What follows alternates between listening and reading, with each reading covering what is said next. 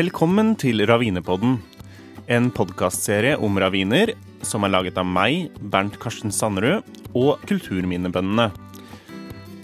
I dagens episode skal vi prate om hva en ravine er, og hvordan den har blitt til. Men først litt om meg.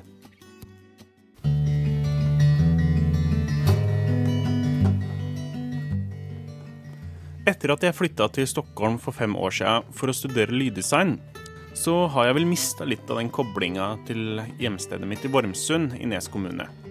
Kontrasten mellom Vormsund med sine landlige omgivelser og storstaden Stockholm er stor. Og jeg prøver så ofte jeg kan å komme meg til Vormsund for å koble av fra stress i Stockholm. Før jeg flytta til Stockholm, så hadde jeg ikke snøring på hva ei ravine var, og i hvert fall ikke at det fantes i hjembygda mi. Men en gang for noen år siden, da jeg var hjemme om en tur på ferie, så ville fattern absolutt ta meg med på utflukt for å se på noen daler. Jeg er den første til å innrømme at bylivet i Stockholm passer meg bra. For jeg kan være litt ja, vond å be når det kommer til friluftsliv. Og i alle fall når det gjelder å sjekke ut de små, kjedelige skogskrulla som rammer inn alle de store jordene her nes. Fattern, ja, han var bestemt, og lokka meg med at dalene, som han kalte raviner, var fulle av spennende lyder. Noe som jo appellerer til meg, som er komponist. Ja, vi satte oss i bilen og kjørte i bare sju minutter. Til Esvæl miljøpark, bygdas søppeldynge. Det stussa jeg litt over. Ja, vi parkerte bilen i skogskanten ved fyllinga, og så gikk vi ut av bilen og inn i skogen.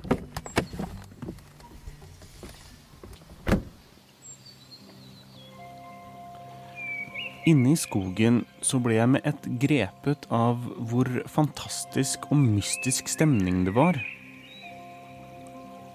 Hele landskapet var som en urskog eller jungel, og nede i ravina så vokste det planter og ting som jeg aldri hadde sett før. Jeg fikk så masse spørsmål oppi huet, altså hvorfor lå det en søppelfylling rett ved ravina? Og hvorfor hadde ikke jeg hørt om det her før? Jeg har jo tross alt bodd i Vormsund hele oppveksten min.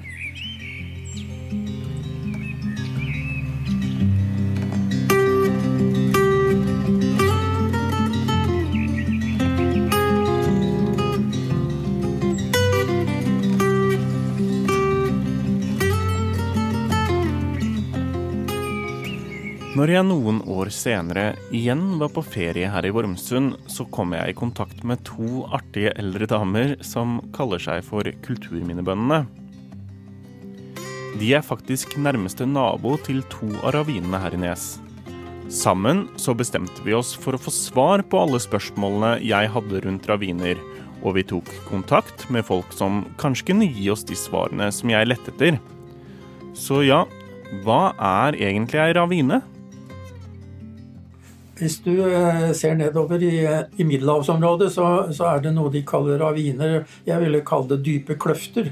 Og det er jo gamle elver som under andre klimaforhold har gravd seg ned i fjellet.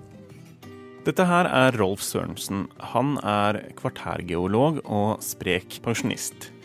Han bodde og var ansatt på Landbrukshøgskolen på Ås, og er medforfatter av læreboka Kvartærgeologi. Han kan fortelle oss mer om raviner.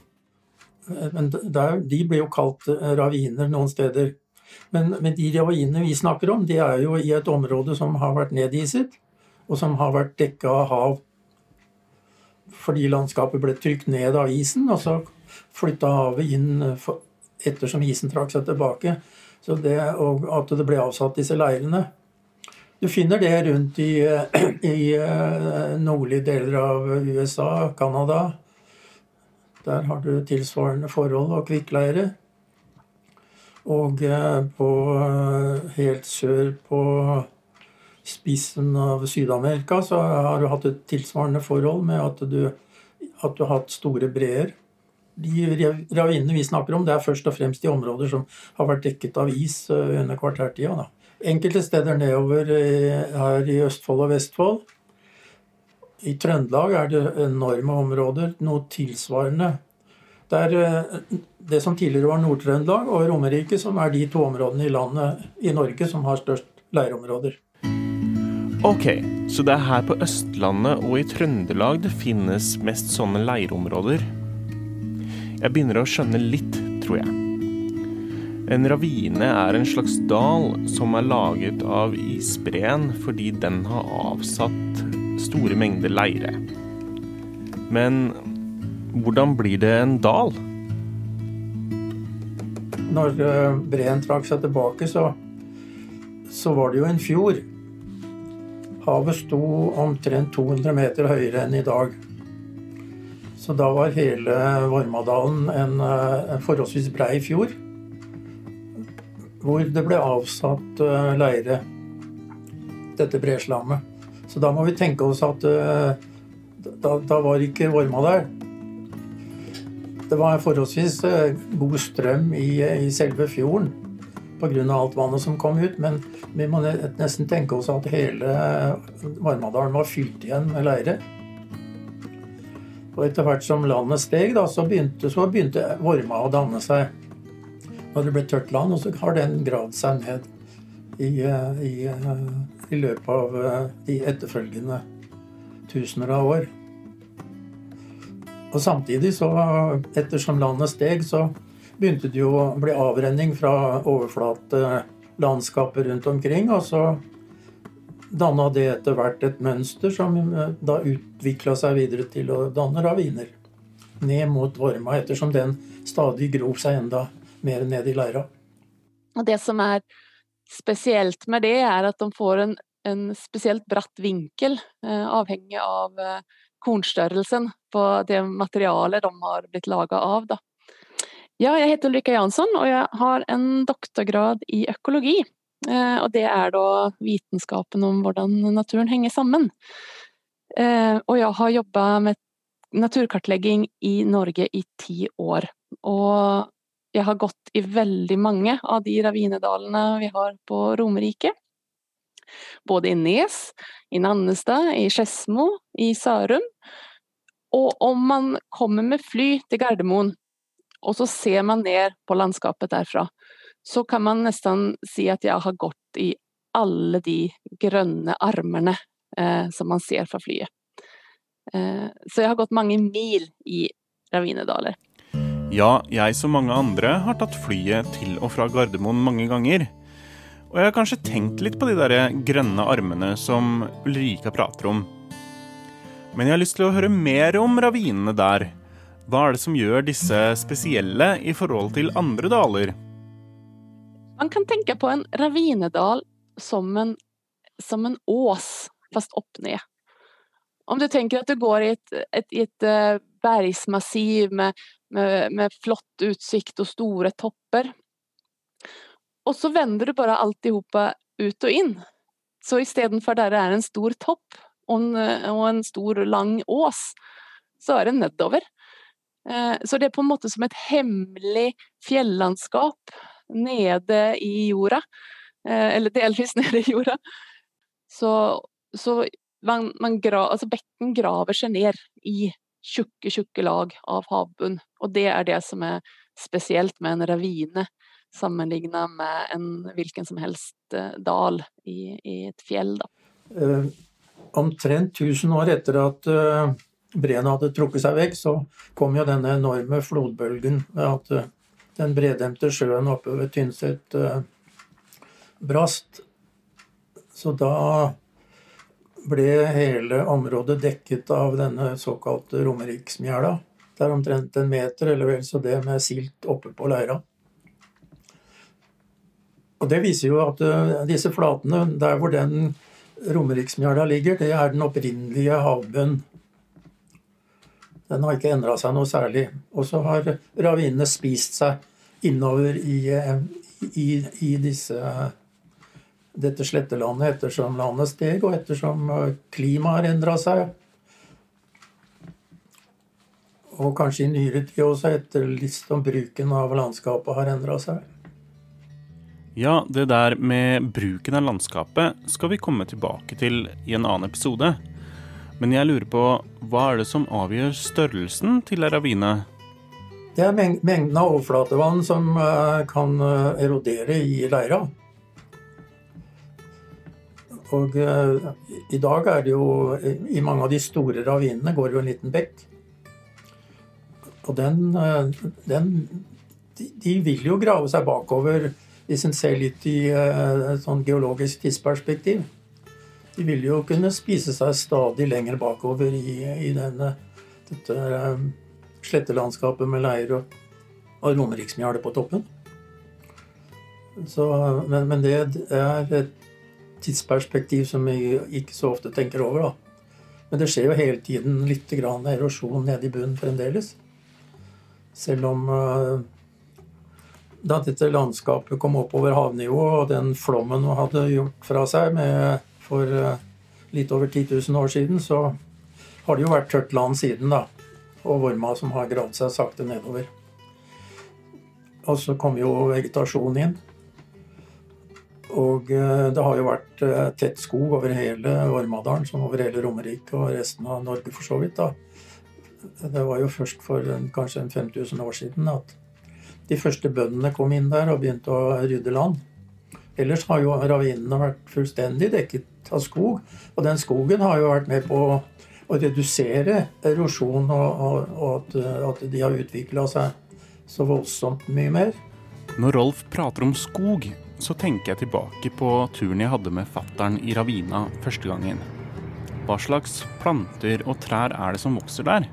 Og hva slags insekter og dyr er det som bor der? Når det kommer ned i en ravinedal, så forsvinner nesten alle lyder fra verden rundt. Og det kommer inn i en, i en oase av fuglekvitter og, og, og, surr fra fluer og humler og, og mygg. Uh, og du, du, er liksom på en måte skjerma fra, fra, verden rundt. Og så er det også mange Du finner gjerne både elg og, og rådyr og hare som, som, også opp, som, også opplever dette her som en sånn oase. Eh, slik at du, du, du, treffer på dyr som du kanskje ikke hadde sett oppe på overflaten, men som lever sitt liv der nede. da. Om man har en lupe med seg, så skal man krabbe ned og se nøye på disse nakne eh, leirflekkene med størkne leire. For der finnes det et helt utrolig mangfold av mose. Og, og mange av disse mosene de, de, trives bare på sånn helt nynaken leire. Altså det skal være ganske nyrast. Og de klarer seg ikke på den gjødsla jordet ovenfor. Eh, så det er et helt, eh, et helt landskap miniatyr av moser. Så kan man også finne sopp. Eh, og da får man krabbe under stokker og døde trær. Så fins det sopp som vokser på undersiden av disse her. Og det fins en stor mangfold av forskjellige sopparter som, som trives aller best under en død trestamme. Ravinene har jo eh, potensial ellers da, når det gjelder andre typer sopp. Det er nok mye småsopper. altså Det kan også være sånne med hatt og stilk og skiver eller pigger. Gaute Moen Jensen kan mye om sopp. Han er medlem i Romerike sopp- og nyttevekstforening. Han forteller oss entusiastisk om sopper man kan finne nede i ravina.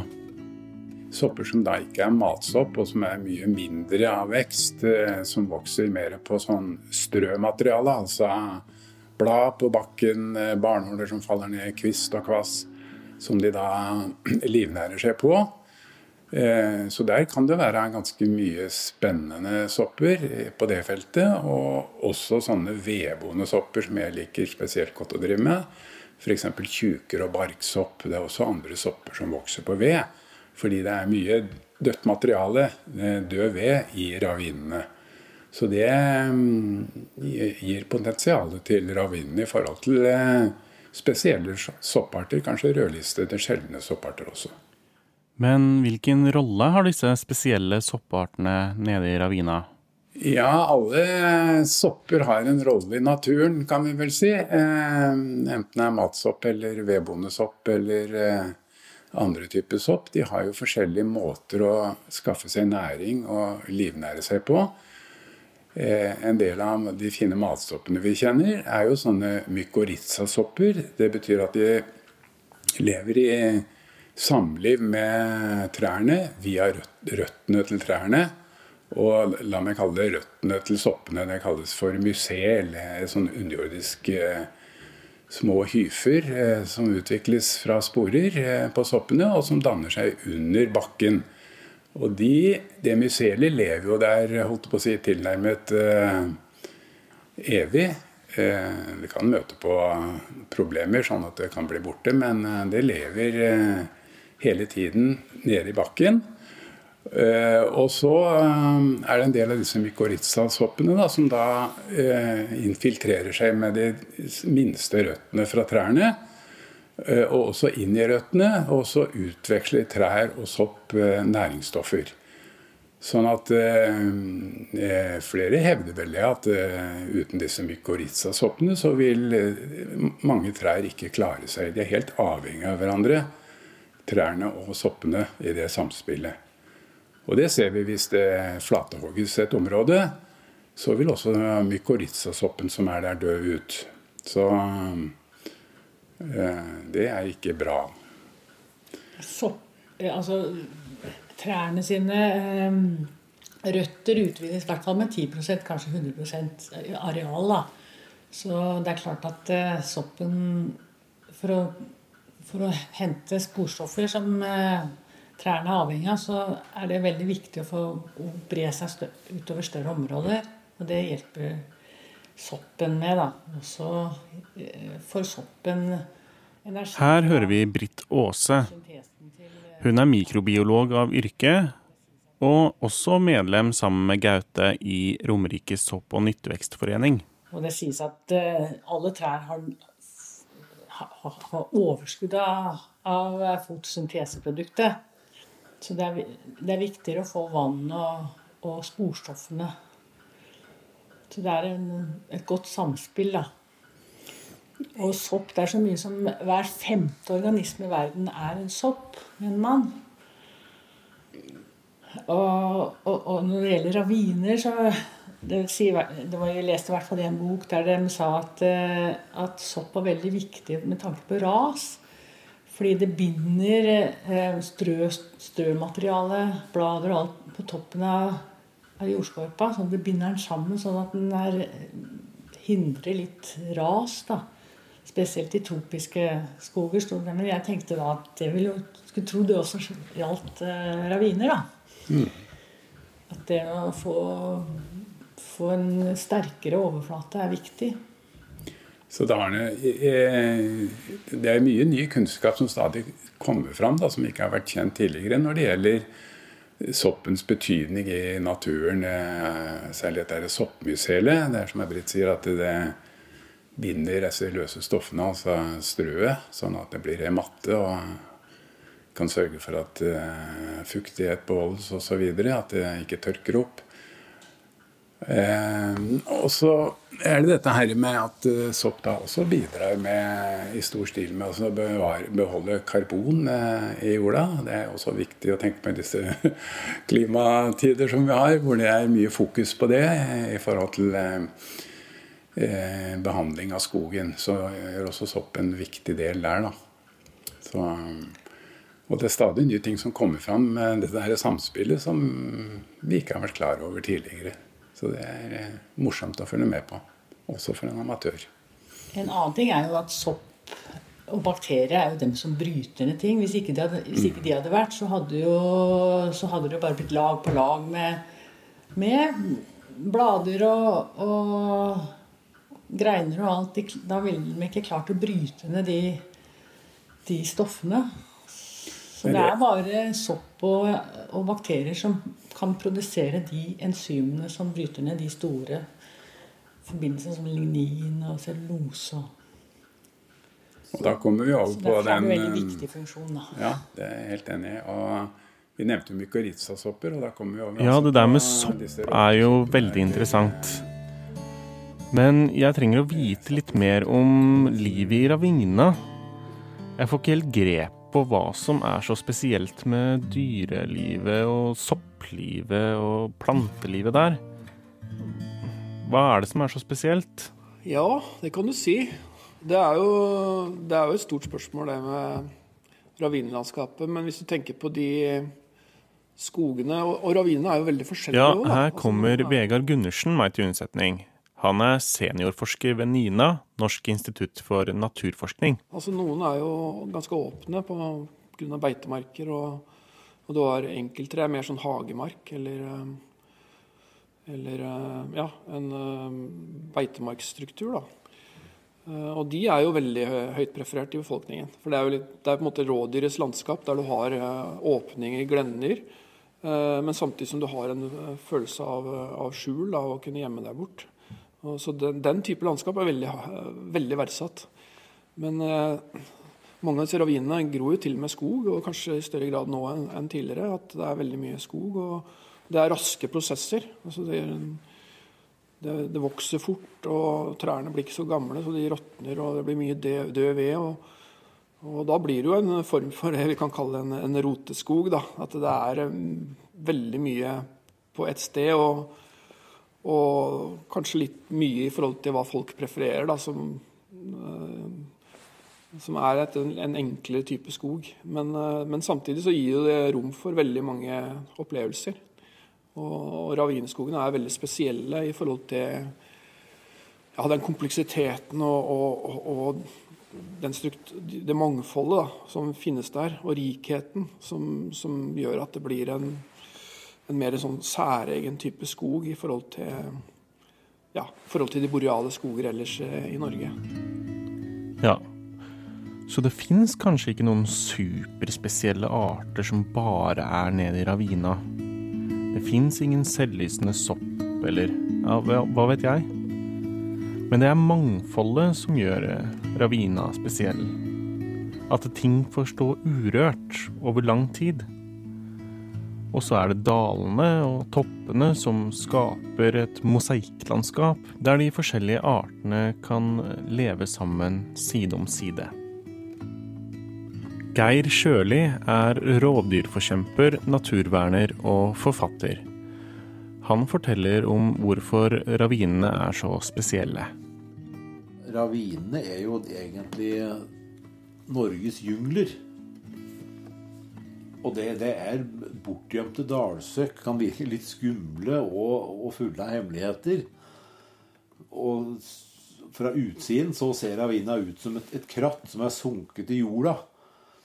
Og på innsiden finnes bregner som, som legger deg rundt deg. Det er helt fantastisk. Som, som enorme øglevinger. Jeg har jo vært nede i noen raviner, og, og, det var jo en helt egen verden. Man nesten så venter på å få se leopardene dukker opp. Men uh, det er en hemmelig verden som samtidig er tilgjengelig for, alle. Og her er det jo en mangfoldig dyreliv. Det er jo rødreven som er uh, toppjegeren her. Sjelden gang vil kanskje gaupa komme og, og, se etter rådyr. For den går jo i, i kulturlandskapet og, og, ser etter rådyr. Det vet vi jo. Og, og, fugler er jo veldig mangfoldige her. Det er jo mange arter av, av, av sangere. Og rosenfink, skogdue, myrsanger og mange, mange flere. Og, og grevlingen kommer også hit, for det er lett å, å grave hi. Og det er et mangfold av insekter. Ofte er det død ved i disse skogene her. Så det er Det, det avles fram dyreunger her, og, og fugleunger. Og her er jo da den, jegeren blant fugla her i rainene, det må jo være kattugla. For den jakter der nede, og den vil gjerne gjemme seg nede i ravinene på dagtid, så ikke blir mobba av kråker og skjærer. Så det, det veit vi at det fins. Den vil gjerne hekke i, nede i ravinene og gjemme seg litt. Det gjør den. Morten Borgenvik Stensaker, han er fotoskribent, frilansjournalist og har holdt foredrag om raviner. Han er trolig den som de siste åra har vandret mest i ravinene. Her prater han litt mer om fugler. Ja, altså det lille jeg kan om fugler, da. For jeg har jo holdt to foredrag om raviner i, altså i gammel havbånd. Den type raviner som vi sitter nå. Og det er med blåleire. Det er det som gjør disse her ravinene i Trøndelag og, og lavereliggende områder på Østlandet unike da, i verdenssammenheng òg. Eh, så, så, det er jo stor eh, variasjon. Nå er ikke jeg fugle, fuglekjenner og sånn, men jeg snakka med en troverdig biolog en gang, og jeg skrev et stykke for uh, bladet Jakt og fiske. Fikk en femsider der om raviner. Jeg klarte å få inn det, rett og slett for jeg tror på noe, og bevisstgjørelsen av disse her formasjonene og det som finnes der. Da, da, fikk jeg fra den biologen at jeg kunne skrive det trygt at i, i, en sånn norsk ravine som vi sitter nå, da, en rik en, rik utgave, så er det, er det gjort uh, registrert like mange fugler uh, i tetthet som i en tropisk regnskog. Så det sier jo en god del. Kanskje ikke den store artsrikdommen, da, men antall fugler. Så, så, det er klart at de må ha mye betydning. Og så har det det spillet mellom kulturlandskap og mer det naturlige, da. Den sammenvekslingen der òg, som også gjør For du kan jo liksom bare reise litt opp på brinken her, så er det kanskje kornjordet. da, Det er jo en monokultur. Men, men disse her grenseovergangene de skaper jo også et artsmangfold. Og så er det jo en del treslag. Og sånn som her, eh, like ved Glomma, er det jo mye død ved. da. Og død ved det gir jo sopp. og eh, sopp, og det, det, er en sånn rekke, rekke av sopp går ut til larver og kryp, og så blir det insekter, og så blir det fuglemat. Så, så, så, det er jo Ja, det gir arts, arts, Altså det mangfoldet som er, da. Det gir jo stort rom for mange individer. Og så ser vi dem kanskje mest synlig gjennom fugler da. og planter så er det alle de vi ikke ser, da. Ikke minst. Ja, alle de som vi ikke ser, sier Morten. Jeg tenker tilbake på når jeg var i Ravina første gangen. Jeg syns det var helt fantastisk natur, og jeg så så mange ting som jeg ikke hadde sett før. Men tenk om jeg går tilbake igjen nå og ser på det igjen. Nå kan jeg jo så mye mer, og jeg forstår så mye mer også. I neste episode skal vi prate om hvordan ravina har blitt brukt rent historisk, og hvordan samspillet mellom menneskene og ravina har fungert.